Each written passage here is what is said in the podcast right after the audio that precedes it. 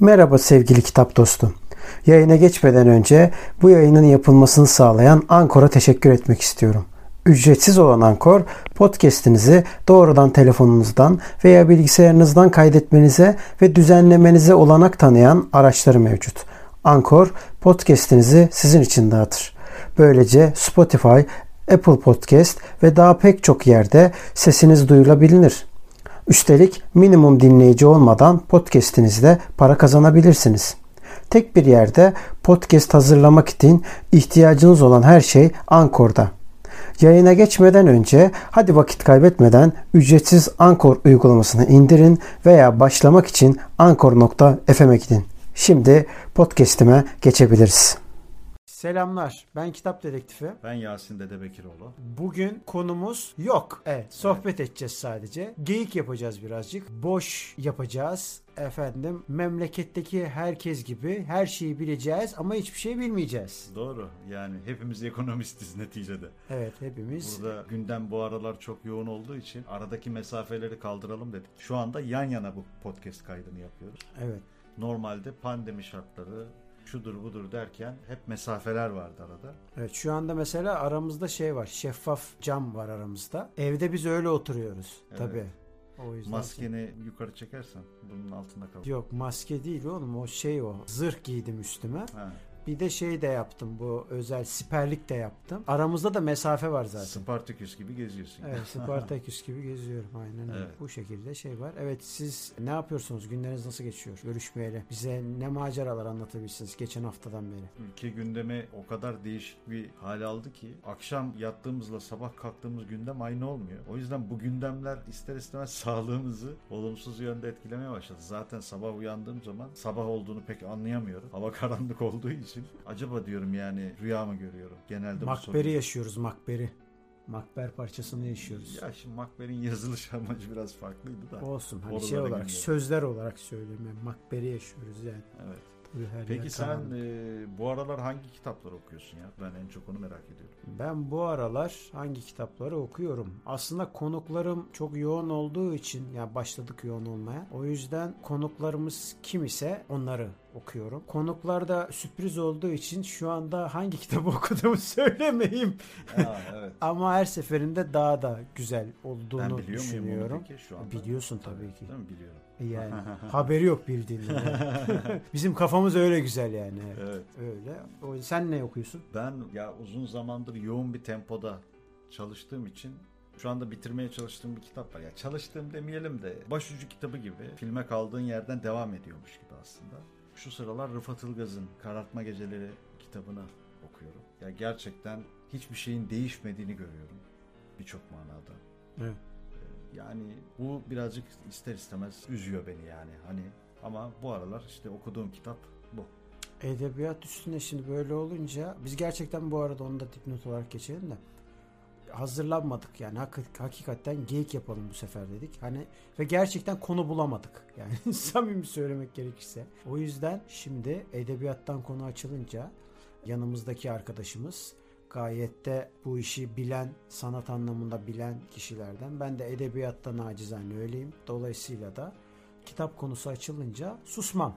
Evet, Evet. her zamanki gibi susmayacağım. Yani iki uzman olmayan insan olarak susmuyoruz. Evet susmuyoruz. Susma haykır edebiyatla birlikte baş kaldır sloganlarıyla saçma sapan bir şeyler. Şimdi şunu söylemek istiyorum. Karartma gecelerinde mesela Rıfat Ilgaz'ın kendi hayatının olduğunu zaten daha önceki YouTube içeriğimizde söylemiştik. Doğru. Ama şimdi şöyle bir şey söyleyeyim ek olarak. O dönem yaşanan bu dönemde 2. Dünya Savaşı sırasında yaşanan bir olay ve bu yaşanan olay sırasında maalesef ki CHP iktidarı hatta Şükrü Saraçoğlu bu konuda zirvedir. Faşizm noktasında zirveler yapmıştır ve de Maalesef ki İnönü de buna alet olmuştur ve bundan dolayı da hem de kendi etnik unsuru da ortadayken yapmıştır bunu. Bu tarihsel gerçekliktir. Benim tespitim falan değildir. Konuşmaları da ortadadır. Tabii. O kadar ki mimarilerde bile yani yapılan cumhuriyet mimarilerinde bile gamalı haçlar falan böyle ortalıkta gezmeye başlıyor. Diyeceksiniz ki bu sırada Mustafa Kemal ne yapıyordu? Hastaydı.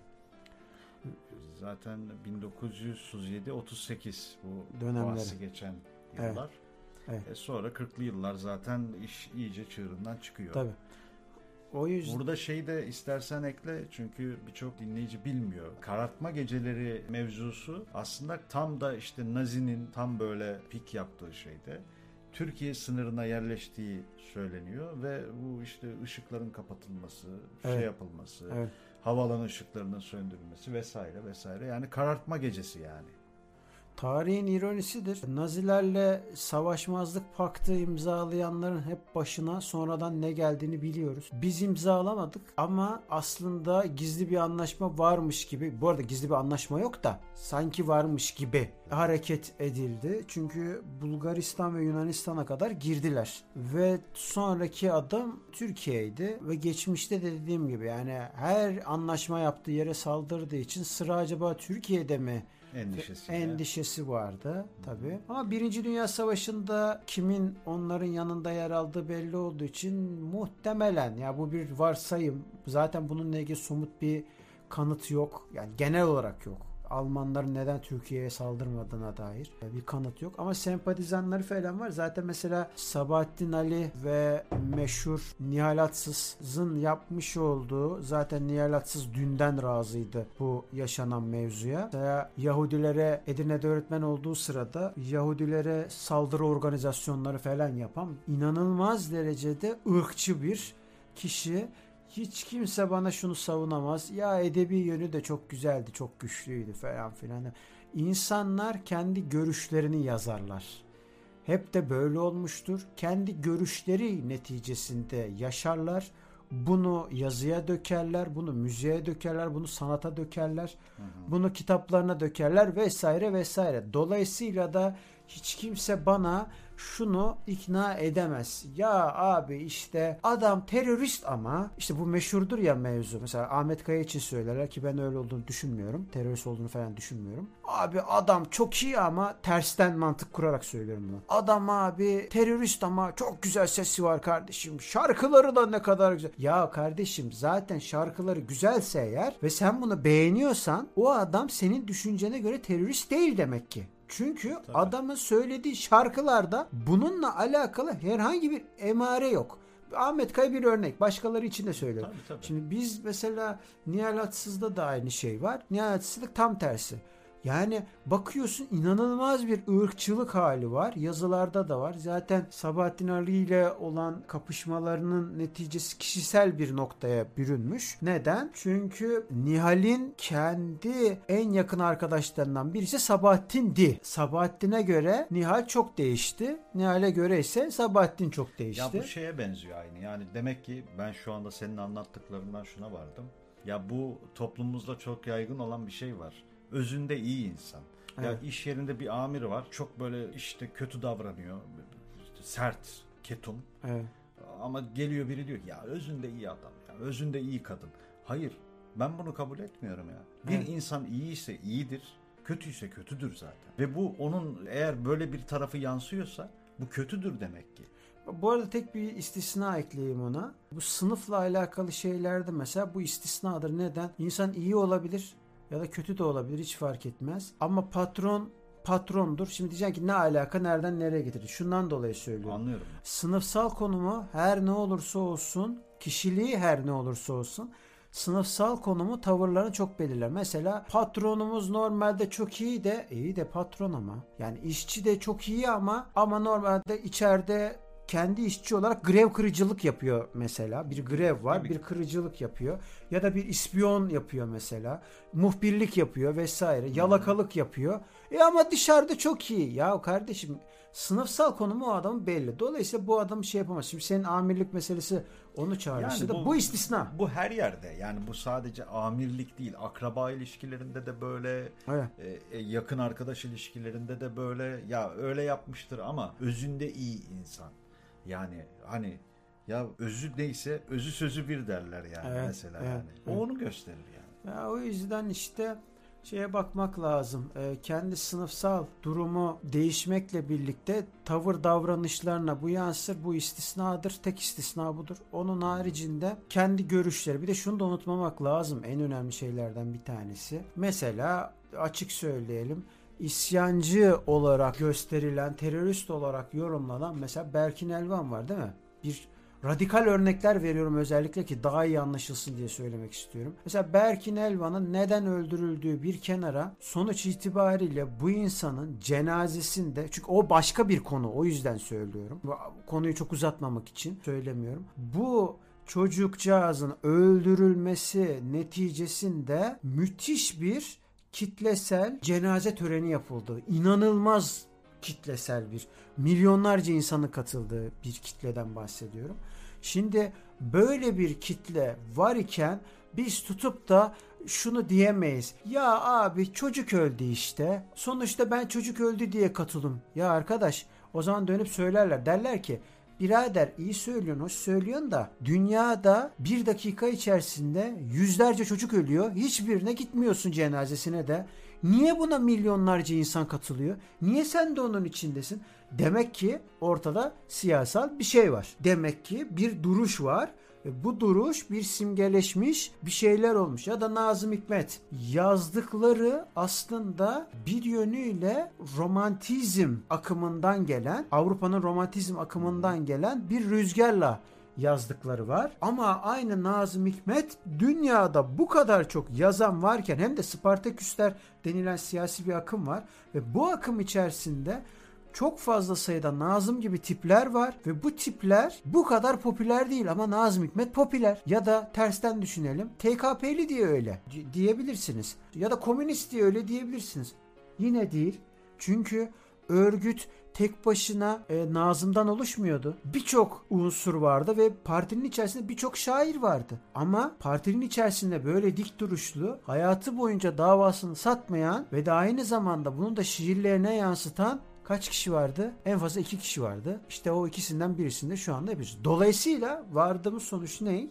Yani tüm bunlardan gördüğümüz sonuç aslında anlattıklarımız nereden yola çıkıyor? Tamamen kendi görüşlerimizden yola çıkıyor. Yani insanın görüşleri yaşadığı toplumdan geliyor doğru. Sonra da o görüşler bizi biz yapıyor ve kitleler bizi öyle seviyor ya da sevmiyor ya da nefret ediyor ya da nefret etmiyor. Sonuç itibariyle efendim şeyin tersine düşüyor yani. Bir tezatlık oluşturuyor. Hani az önceki söylediğimiz efendim terörist ama çok güzel şarkı yazıyor. Saçmalığının ne kadar danisk olduğunu gösteriyor yani. Evet.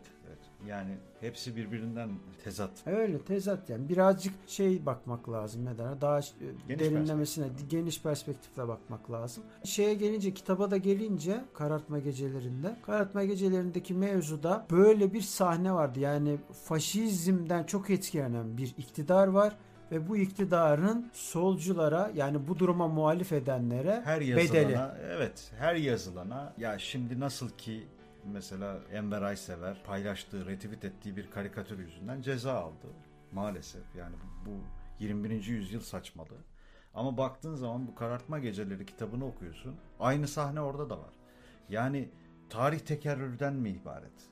İnsan direkt olarak bunu hiç mi değişmez? Hiç mi bir şeyler yoluna girmez? Yani güç ve iktidarı elinde tutan her yönetici, her şahsiyet bir şekilde muhalif olan veya doğruyu söyleyen insanlara bir ceza kesiyor. Ya açık söylemek gerekirse bugünlerde mesela CHP'nin iktidara geleceği konuşuluyor falan. Şimdi gelir gelmez ayrı hikaye ama ki bence gelecek başka bir şey. Destek vermediğim bir partidir ama AKP'li de değilim bu arada onu da söyleyeyim de. Herhangi bir mecliste beni temsil eden tip de dahil yok yani öyle bir şey de onu belirteyim. Bu benim kanaatim yani Yasin'in öyle olmayabilir ya da öyledir bilmiyorum. O söyler. Benimki böyle ya da söylemez yani kendi bilir. Benimki böyle. Şimdi buna rağmen mesela şunu bilmek lazım. İktidarda tek başına olan mesela CHP'nin yaptığı cumhuriyeti kurduktan hemen sonra siyasallaşıp mevzuyu bir parti haline getirmek sonrası tarihsel olarak biliyoruz zaten. Tek partili bir dönem var. Cumhuriyeti şey yapacağız dedi. Kuracağız. Böyle demokrasiyi getireceğiz vesaire biliyorsunuz. Resmi evet. süreci de biliyorsunuz, gayri resmiyi de biliyorsunuz vesaire.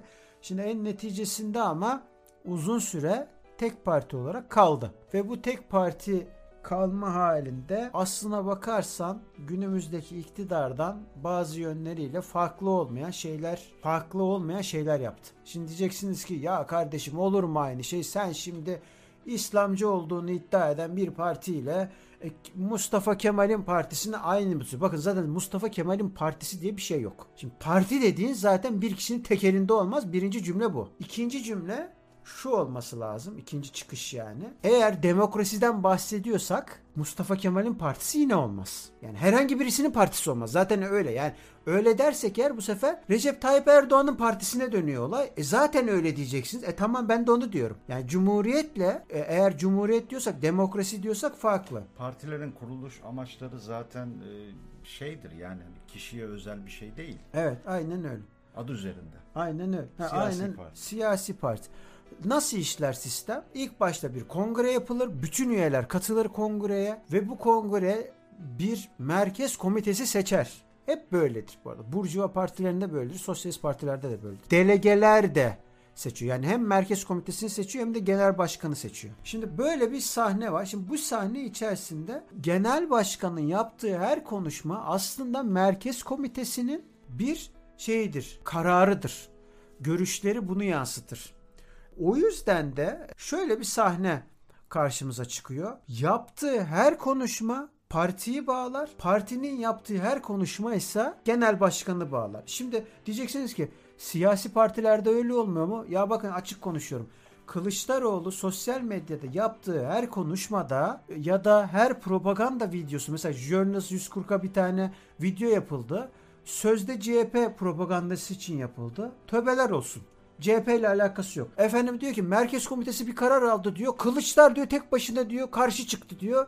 Ve diyor bu konuda inat etti diyor. Sonra diyor kazandı. Ya biz Kurtuluş Savaşı'nda mıyız kardeşim? Mustafa Kemal misin sen? Çıktığında ben tek başıma karar alıyorum. Bana ki Mustafa Kemal bile meclisten tam yetki almak için meclise sormuştu. Ona, yani hani senin kendi inandığın kişi bile bunu yapıyordu. Ya onu geçtim. Yıkılan Osmanlı Devleti bile padişah var ya Abdülhamit bile ya. İstibdat döneminden bahsediyoruz ha. O dönemde bile bunları özellikle kullanıyorum ki şimdi diyecekler ki hemen sen hocusun bizde meşhurdur ya. Aa, evet. Abdülhamit dedim ya sen tamam kesin Abdülhamitçisin. Ya ne alakası var? Yani Şeyin etiket- hikayesi gibi. Sen Abdülhamit'i savundun falan. Hayır. Bizde, bizde etiketçilik meşhur. Evet, yani. meşhur yani. Yaftalarsın. hemen. Abi ben tarihi olduğu gibi yorumlamaya çalışıyorum. Neyse Abdülhamit döneminde bile yani istibdat döneminde bile özellikle söyleyeyim. istibdat döneminde bile ya divan vardı. Padişah divana soruyor ondan sonra yola çıkıyor. Ya bizde cumhuriyet geldi göğe demokrasi geldi lafta. Ya babacım daha çok geriye düştük. Ben Osmanlı'yı da savunmuyorum bu arada. Günahım kadar da sevmem. Onu da söylemiyorum zaten yani. Biz şimdi laf cımbızlanmasın diye Evet. defaatle söylüyoruz. Yani Ee, bu genel tüm dünyada olan bir şey. Şu an tek bir şeyi konuşmuyoruz zaten. evet aynen Ki öyle. kaldı ki o 1942 sanırım hani kitapta geçen Rıfat Ilgaz'ın anlattığı. Ya yokluğu gerçekten yani yaşanılan yokluğu ya çay ölçüyle veriliyor. Yani hani adam iki gün öncesinin ıhlamurunu satıyor vesaire. Ya şimdi şunu düşünüyorum. Benim büyük babam 1941 doğumlu ve çocukluk yılları tabii ki yokluk içerisinde geçmiş. E, ister istemez şimdi o nesil mesela tutumlu veyahut da ne bulsa kenara koyacak, işte ne bileyim şekeri saklayacak e, böyle bir algıyla yetişti. Yani o neslin çocukları da şimdi işte şimdi torunları 1940'ları sanki geriye sarılmış gibi yaşıyor bir nevi. Gaz yağı bulamadık. Evet öyle. Yani şu şunu demek istiyorum. Önceki gün sanırım 4-5 gün önce bir arkadaşım aradı dedi ki ya camdan dedi çöp konteynerinden birinin yiyecek aradığını gördüm dedi. Bir şeyler aldı gitti dedi. O gittikten sonra dedi bir iki kişi daha geldi dedi. Onlar da bir şeyler buldu. Portakal bir şeyler işte böyle yiyecek. Hani uzaktan çok fazla göremedim. Ya düştüğümüz duruma bak. Karartma gecelerini okuyorum. Üzümü katık edip çay içiyor. İşte ne bileyim iki dirhem bulmuş oradan bir kahve şeyi bilmem pişiriyor içecek. Yani biz bunu hak edecek ne yaptık yani toplum olarak. Ben hani insan bunu sorguluyor bu kitabı okurken. O yüzden belki de çok böyle ara vere vere devam ediyorum. Çünkü gündem o kadar yorucu ki kitabı Evet. da okuduğumda ayrı bir yoruluyorumdur belki. Evet. evet. Yani olabilir. Aynen. Hani Aynen. kendi yorumum şu anda bu. Yok yok doğru söylüyorsun doğru söylüyorsun. Yani ekonomik olarak zaten öyle olduk. İnsanlık olarak bir acayip olduk. Yani Şey olabilir şu anda. Mesela biz bu kaydı yapıyoruz. Evet. E, bu kayıtlar, podcastler telefonlardan dinleniyor genelde. Evet. Çıkar telefonunu veya şimdi kayıt kardeşim kayıt yapacak teknolojiniz var ya sizde yani falan bunlar kesin birileri tarafından Ya destekleniyor. bunların neden lüks olduğunu Hah, acaba işte. düşünüyorlar. Ben ona çok şey istediğim yeri yapıyorum. çok güzel yani yakaladın. Gerçekten.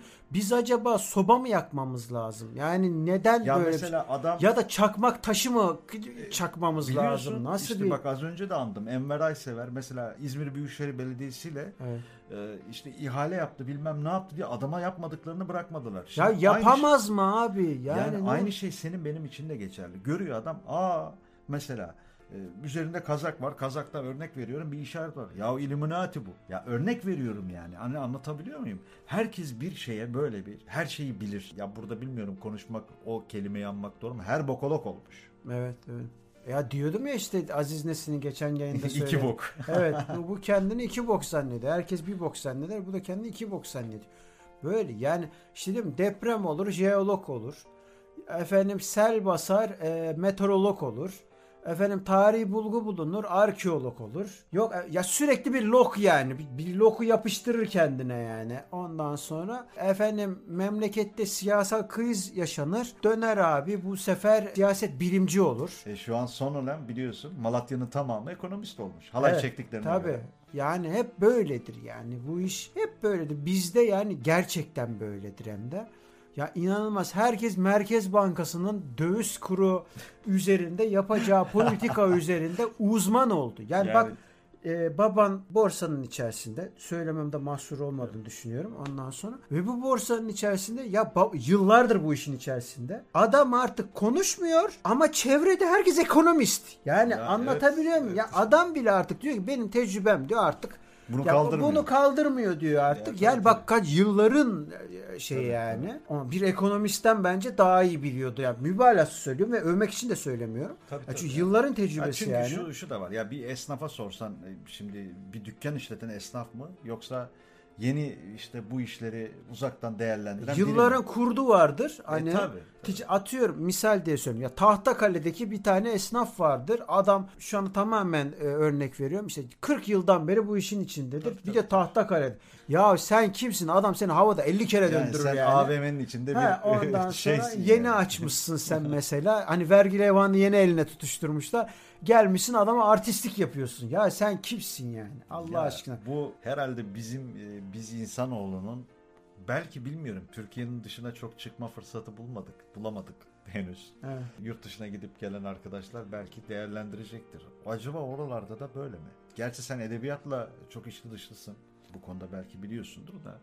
Ya bu insan fıtratı gereği mi böyle yoksa sadece bizim Ya biz topraklara özel bir şey Türkiye'de yani? ekstra bir durum var. Neden var? Çünkü yok yine de ekstra bir durum var. Yani eğitim artsa bile bir şey O var. zaman dönüp dolaşıp yine 1940'lara mı geliyor? A- sayılır. Say ya şöyle bir sıkıntı var. Şimdi Yetiştirilmenin hani Şu yok onunla da ilgisi yok. Ya şöyle bir şey var bilimsel olarak baktığın zaman. Şimdi Türkiye Osmanlı'dan çıkma bir dönem. Osmanlı nasıl kazanıyordu? Osmanlı yağma ekonomisiydi. Daha sonra bu diyeceksiniz ki ya Avrupa'da böyleydi. Avrupa'da böyle tabii ki de Avrupa ama bir noktadan sonra yöntemi değiştirdi. Hem de Osmanlı'dan dolayı yöntemi değiştirdi. Dedi ki bu sürekli yollarımızı kesiyor. Yağma yapıyorlar bu yolları. O zaman dedi ne yapacağız? Abi biz yöntemi değiştirelim. Teknolojiydi, şuydu, buydu. Oradan devam edelim. E sonra ne oldu? E sonra bu Osmanlı'da ihale fena patladı.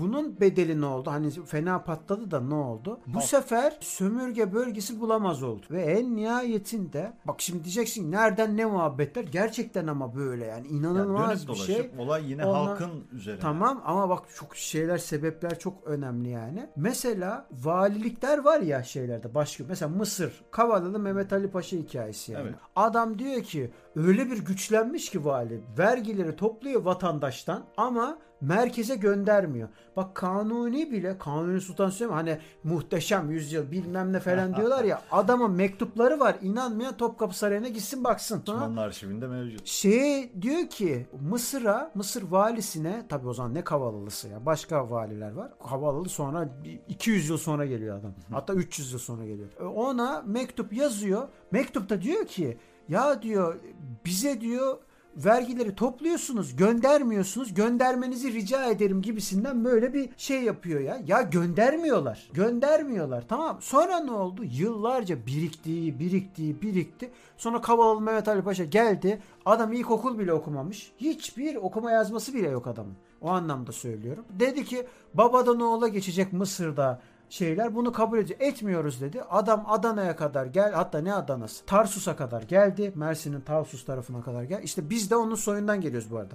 Şey biz derken ben Arap soyundanım. E, Suriye kökenliyim. Suriye kökenliyim deyince hemen şeye bağlamasa. Bu gelen Suriyelilerden mi? Zaten vatan aynı oldu belli. Hayır öyle değil. Bizim dedelerimiz gelmiş yani. Hani Yani hani büyük büyük Evet, dedesi. evet büyük büyük büyük dedemiz gelmiş yani. Hani Yani. Türk diye bir şey bu arada var mıdır yok mudur tartışma konusu da hani Öztürk vardır tabii de biz Öztürk değiliz yani. Bu arada muhtemelen bu dinleyen podcast'i de Öztürk değil. Yani Öztürkler Toroslar'da yaşar. O başka hikaye. Ben Neyse. de Kastamonluyum. Evet yani. Bu da şeye mi? Ben de Evet. Harranlıyım. Evet. Ya neyse tablo böyleyken şimdi bu bir feodal dönem var. Feodal dönem sonrasında dolayısıyla hiçbir şey üretmeyen inanılmaz bir dedikodu mekanizması üstünden giden aslında sözlü edebiyatın çok güçlü oldu. Yazılı değil. Sözlü edebiyat çok güçlü olduğu bir dönemden bahsediyorum. Hatta gariban yani yokluk içinde. Tabii çünkü işte hep talan üstünden gidiyorlar. Tabii, tabii, Ondan da. yani- E, talanlar bitti ne olacak? E, tabii ya şimdi e, eğitim yine eğitim şeyine değiniyorum ama bilgi yok. Bak o Yani kadar sağlıklı bir iletişim yok yani hani. Çünkü ana şey insanlar aç. O kadar açlık varmış ki Evet, ek evet. olarak söylüyorum. Açlık. İnsanlar Topkapı Sarayı'na yapışıyorlarmış böyle artık. Yani Topkapı Sarayı'nın içine çalışayım da bakın saray var yine ne kadar ironik. Topkapı Sarayı'na girmeye çalışıyor. Girince kurtaracaklar kendilerini ama sonra bir şey oluyor. Topkapı Sarayı zaten işgaller yapılamadığı için yani bir talan olmadığı için hazine boşalmaya başlıyor sürekli olarak. Her gelen padişah daha da çok daha da çok. Bir de üstüne sarayın çevresinin yedirilme şeyi var. Kasa daha da boşalıyor. Ve ne oluyor biliyor musun? Yeniçeri ağasına toplamda aylık olarak verdikleri para tutarına kadar biliyor musun? Günümüzdeki şu anda zaten kur bazlı söylemiyorum. Bu 2015 zamanının falanla kıyaslama. Profesörler söylemişti o zamanki konuşmada. E, 10 tane günümüzdeki 5'er kiloluk yani 50 kiloluk 50 kiloluk bir aylık un parasını veriyorlarmış sadece. Başka para yok çünkü. Yani- Pa- ve bu Yasin şey Yeniçeri ağasının aldı. Yani Yeniçeri'yi ben düşünemiyorum. Peki e, şöyle bu. Araya dipnot giriyorum. Şimdi bizim e, günümüz biz Osmanlı'nın torunlarıyız diye gezenler kendilerini saray eşrafından zannettikleri için işte. Evet. Ya sarayda sefalet içerisinde. Tamam işte. Yani hani asıl çok Osmanlı'yı çünkü televizyonda gördükleri yüzyıl gibi zannettikleri Evet, için. evet. Ya biz Osmanlı soyu. Neren Osmanlı soyu? Ya ne yani sonuç itibariyle böyle bir tablo varken en sonunda abi Yeniçeriler şeye başlıyorlar. Çeteciliğe başlamaya Evet, başlıyorlar. zaten orada patlak veriyor. Evet ya günümüzdeki mafyaların o pekerlerin falan çakıcıların vesairelerin ortaya çıkmasını işte çatlıların vesairelerin ortaya çıkmasının temel sebebi bunlar da yok pekerin kendisi de söylüyor. Ya bunlardan çıkma olduğunu söylüyor. Hatta bir ara çıkıyor. Sonradan dönme AKP'den dönme bir tane adam vardı ismini unuttum o adamın. Onunla programa çıkıyor zamanında bayağı Peker yazdığın zaman onun kaydı var hatta. Orada açık açık söylüyor. Diyor ki böyle böyle gelmiştir. Hatta adam dumur oluyor. Peker nasıl biliyor böyle şeyler falan diye. Ya tarihsel bir gerçeklik. Neyse böyle bir tablo sırasında bunlar artık Mısır çarşısının belli bir noktasına kadar haraç kesilmesine padişah tarafından izin çıkıyor. Ama padişah diyor ki yukarılara gitmeyin. Giderseniz kelleniz gider. Bu taraflar sizin haraç Peki bölgeniz. buradaki esnaf, e, sarraflar, sarraflar da var tabii. Evet. E, Onlar da aslında durum olarak çok iyi değiller. Tabii tabii. Bu haracı nasıl bu? Ay, haracı nasıl buluyor? Kazandığı üstünden dönüyor. İçerideki yani. para dönüp dönüp duruyor yani. Tabii, kendi Ama- içerisinde dönüyor. Tabii tabii dönüyor. İşte herkes 10 un yani çok abartarak söylüyorum. Bir tanesi 50 kiloluk un kadar para kazanıyorsa diğerleri de muhtemelen 5'er kiloluk kazanıyor. O para dönüp dönüp duruyor. Sonra olan o işte bugün Osmanlı Bankası'na geçtim. Osmanlı Bankası'nda adamlar hangi banknotu çıkarttılarsa rezil rüsva olmuş. Hani yani rezil rüsva sürekli böyle bir değer kaybı. Değerlerini göstermişler. Nereden ne kadar? İlk başta çıktığında %90 yükseliyor. Sonra %90 düşüyor. Sonra bir %90 daha düşüyor. Bu gezdiğin kasaların içerisinde olanları. Evet, evet. Onların içerisinde var. Şimdi böyle tablolar var. Bunun üstüne Mustafa Kemal önderliğinde diyelim. Ya da Mustafa Kemal'in ben çok önderliği olduğunu düşünmüyorum da o şimdi ayrı bir konu, podcast konusu. E, Çok tarihsel bir şey yani. Ben biraz daha farklı açıdan bakıyorum. Açıdan değil, tarihsel veriler var yani. Bu arada şunu da belirteyim yani e, Mustafa Kemal nefret ediyor. Vatan haini bu. Yine değil. Bak onu da söyleyeyim. Yani bir liderlikle yapıyor. Bizim memlekette ters bir şey söyleyince kendi görüşlerinden yine vatan hainiyle suçlandı. Ay, öyle değil yani. Şöyle bir değerlendirme var. Ya Mustafa Kemal Atatürk önemli bir değerimiz bizim Türkiye Cumhuriyeti'nin kurucusu. Fakat o da bir insan. Yani bizim memlekette anlaşılamayan şey bu. Evet. Yani Bizde sen- tabulaştırma meşhurdur. Ya mesela bir sanatçı işte star şöyle falan ya kardeşim bu adam da bir insan ya. Mesela Tarkan'a laf söyleyemezsin. Mega star o. Bitti. Ya abi sevmiyorum. Kuzu kuzu saçma diyorum mesela. Vay sen nasıl dersin? Ya. Yapıyorsan sen yap kardeş. E bana da o kadar para ver ben de yapayım yani. Ya ben Allah şey diyorum zaten bu dönemde şimdi bu eleştiriler eleştirel şey ya bir insanı eleştirirsin doğruları vardır yanlışları vardır konu biraz sapıyor ama ben hep şeyi söylüyorum.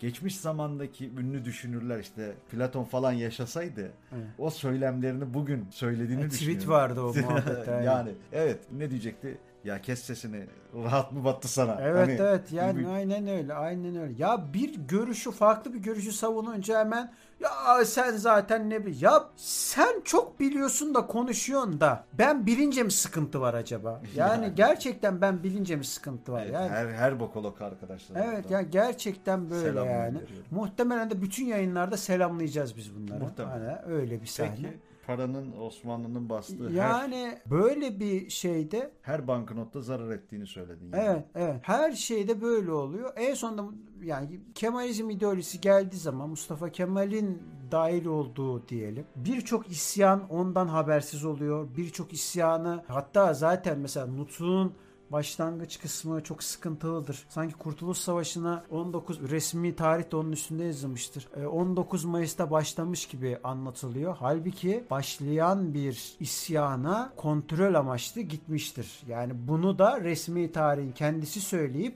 yine resmi tarihin kendisini yalanlaması da bir trajedidir bence. Şimdi diyeceksin ki nasıl oluyor? Ne demek istiyorsun?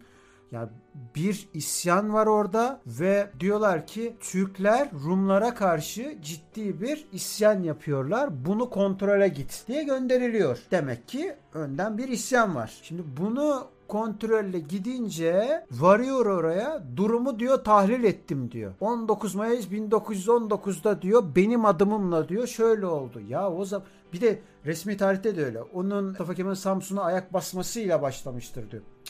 E Madem öyle nasıl böyle? Yani anlatabiliyor muyum? Yani kendi içinde tutarsız. Nutuk da böyle başlar. Çok sıkıntılı mantık hatasıyla başlar Nutuk'ta.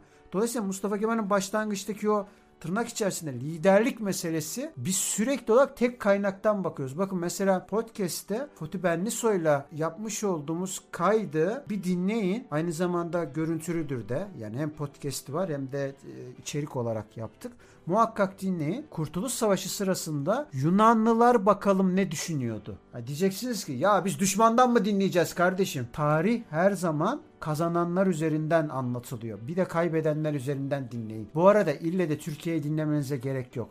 Mesela Amerikan İç Savaşı sırasında kaybeden cephe tarafından bir oku bakayım Amerikan'ı. E bana ne Amerikan İç Savaşı'nı? E kardeşim ona ne bana ne? Ben yöntemsel olarak söylüyorum yani. Tabii, tabii. Dolayısıyla da tablo böyleyken üstüne böyle bir şey döşedi ama şöyle bir sıkıntı vardı. Şimdi yattık kalktık cumhuriyet oldu. Aslında öyle oldu yani. Yattık yani Kurtuluş Savaşı sonrasında olan şey oydu. Aynı kişiler artık feodal çağdan çıkıp tırnak içerisinde batıcı modernite bir dünyaya doğru adım attılar. Özellikle bunu söylüyorum. Batıcı modernite. Sonra söylüyorum. Şimdi ki ne demek istiyorsun? Devrimlere bakın hepsi batıcıdır. Ama biz halbuki daha iki gün önce, iki gün önce derken savaş dönemine gittiğimiz zaman iki gün önce aynı batıyı düşman olarak bellemiştik. E Şimdi döndük o batının modernitelerini aldık. Sonra gittik o batının fabrika sistemlerini aldık vesaire. Dolayısıyla e şimdi diyeceğiz ki iyi yanlarını aldık kardeşim ne var bunda diyebilirsin. Tamam iyi yanlarını aldınız da bu sefer şöyle bir sıkıntı doğdu. Tekke ve zaviyelere ben hiçbir zaman destek vermem ama tekke ve zaviyeleri maddi kaynaklarını kısmak yerine tuttu kapattı, yasakladı. Bu ne oldu? İşte bugünkü mevzu patladı. Ondan bugünkü bugünkü mevzunun ne olduğunu artık konuşmanın gereği yok. İktidardalar zaten. Yani. Halbuki onun yerine maddi kaynaklarını bakın AKP bunu çok iyi biliyordu. Bildiği için FETÖ için ne yaptı? FETÖ için ne yaptı? Gitti maddi kaynaklarını kesti. Ne oldu? Kayboldu ortalıktan. Yok hepsi. Ya yok Dağıldı, derken bilinenler dağıldı. yok. Darma Dağıldı, duman oldu. dağıldı, Onu demek istiyorum. yani. Ya da çıkmaya cesaret edemiyor diyelim. Yani. Burada şey de yani sonra- hani belediyelerin işte şey tarafından kaybedilmesi. Evet evet yani bayağı böyle bir dağılma, darma duman olma haline girdi. Evet. E şimdi dolayısıyla demek ki bunu yapmak lazım. Ama yapmadı. Bir de üstüne Yani hani- damarı kesmek yerine hırsızı direkt öldürünce evet suçlu olay oldun. Yani evet hani evet aynen öyle. Aynen öyle. Hırslandılar ya. Bu yüzden de işte olay başka noktalara evrildi. Halbuki maddiyatı kestiğin zaman şöyle bir noktaya gidecekti. İnsanlara diyeceksin ki abi inancın var konunun maddiyatla ne alakası var? Çok destek ve bağış yapmak istiyorsan sen yap. Tabii. Ama devlet yapmıyor bağışı. Yapmayınca ne olacak? Bitti. Kesildi gitti. El koyuyoruz abi. E inançsa inanç abi buyur yaşa inancını. Ben sana yapma demiyorum ki. Yap diyorum işte. Ama sen ne yaptın? Kapatıyorum dedim, yasaklıyorum dedim. Yasaklanan şey her zaman daha büyük patlar. Her zaman böyledir. Bakın Türkiye Cumhuriyeti'nde, demokraside de böyledir. Hangi parti kapatıldıysa daha büyük kitleyle dönmüştür. İdeoloji fark etmeksizin. Tabii tabii. Refah, fazilet, saadet. Evet, evet, aynı. Ya boş ver onu. İsim. Ee, Kürt hareketinde de aynı şeyler oldu ya. Dep, yani dep, ha dep. evet kaç kere kapatıldıkça böyle oldu. Milliyetçi harekette bile böyle oldu. Ka- CHP bugün İzmir'de kalesi burası. Hiç kimse yıkamaz falan diyor ya. Ben sana bir şey söyleyeyim mi? 80 öncesi CHP'nin esamesi okunmuyordu. 1980'den bahsediyorum. Bak çok bir şey değil ha. CHP'nin İzmir'de esam hani kalesiydi lan? E şimdi dolayısıyla Yani şey gibi düşün işte yani Ne ol- ama- 1990'ların başından beri yani değişmeyen şeylerin şu anda değiştiğini görüyoruz. Ama 90'lı yıllarda yapılan işte 28 Şubatların şu anda ya tabii ki 100 yıl öncesinde yapılan kapatmaların geri dönüşüydü belki şimdiki yaşadığımız şey. Ama yakın tarihte 90'lı yıllarda yaşadığımız o saçmalığı e şimdi bedelini yine biz ödüyoruz. öyle işte o yüzden Halk olarak kastım o yani. Ya bu işte onun olayın başı böyle. Ondan dolayı da hani en başa geldiğin zaman hani dediğin gibi ihale vat- vatandaşa patlıyor. Aslında büyüklerimizin yaptığı haltları torunları çekiyor.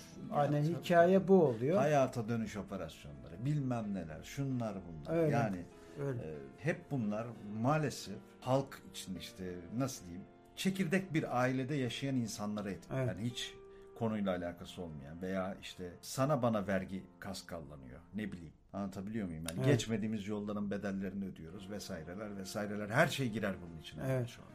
O yüzden abi bütün bunlar işte en Yani- sonunda bu kadar garip bir millet olmasına sebep. Çünkü dediğim gibi feodaliteden hemen sonra moderni tırnak içerisinde moderniteye geçince e, ne bekliyorsun bu Şeyi, vatandaştan? e, Ya şey tabii ki yani burada ya ben işte Rıfat Ilgaz'ın karartma gecelerinden geldik şimdi bu konuların buraya bu noktaya gelmesi. Ya orada mesela dikkatini çekiyordur. Ezan Türkçe okunuyor. Evet, evet. Ezan Türkçe Hata okunuyor. mesela. Hata. Yani dinin dili e, orada Arapça. Ya buna neye müdahale ettin yani? Örnek veriyorum. Ya Yani. insanlar öğrensin diye yaptılar. Kötü niyetle yapılmadı ama abi tabulara Ama dokunmayacaksın. işte halkta onun e, geri İşte, dönüşü farklı heh, oldu. İşte feodalite Benim kastım o. işte ben bak dinci minci değilim. Feod- e, ben de değilim canım. Feodaliteden hemen sonra moderniteye geçince bir de bak şöyle bir sıkıntı var. Avrupa'da Rönesans ve ref- reform oldu. Yani bir dini devrim oldu. Bir din devrimi oldu aslında. Şimdi Türkiye'de bu olmadı. Olmayınca bir de üstüne olmadığı gibi az önceki söylediğim hataları yaptılar. İnanılmaz büyük bir İşte hata. mesela- Travma yarattı. Bak 100 yıl sonra başımıza ne iş geldi? Tabii tabii canım. Ya ben şimdi mesela bizim halkın köşeden dönmeci benim tabirimdir bu. Evet. Bizim halk köşeden dönmeye, kısa köşeden dönmeye meraklı. Ee, mesela bu karartma gecelerinde askerin, polisin işte halka ne kadar sık boğaz ettiği, işte gazete, basım evleri, yayın evlerini işte ne hallere getirdiği. E, kitapta hepsinin birer özeti var ve orada çok ince bir nüansla torpilcilik var. Yani işte ana karakteri, romanın ana karakterini öğretmen zannederek kendi çocuğunun okulunda ya bizim çocuğa yardımcı ol işte orada önceliklendir işte şöyle fayda fayda sağla böyle fayda sağla vesaire gibi şeyler var. E buradan da işte şeyi çıkarıyorsun işte torpilcilik. Evet. Yani 100 yıl geçti bir şey değişmiyor yani. Aynen öyle. Aynen öyle. Bunun işte o zamanki yansımaların bedeli. Ha diyeceksin ki Avrupa'da farklı mı kardeşim? Hani mesela torpil meselesiyle Yani alakalı. İngiltere'ye bak. Sömürgeci İngiltere'ye bak. Evet, evet. Farklı mı diyeceksiniz ama şundan dolayı nispeten farklı.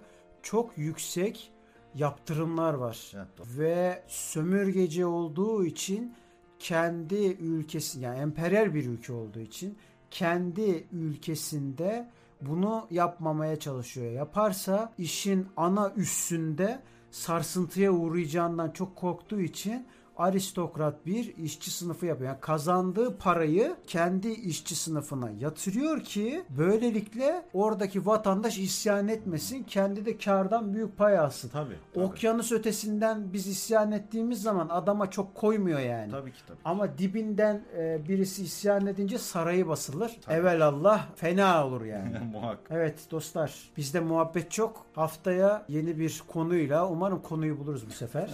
konuyla görüşmek üzere. Kendinize iyi bakın. Görüşmek üzere kendinize iyi bakın.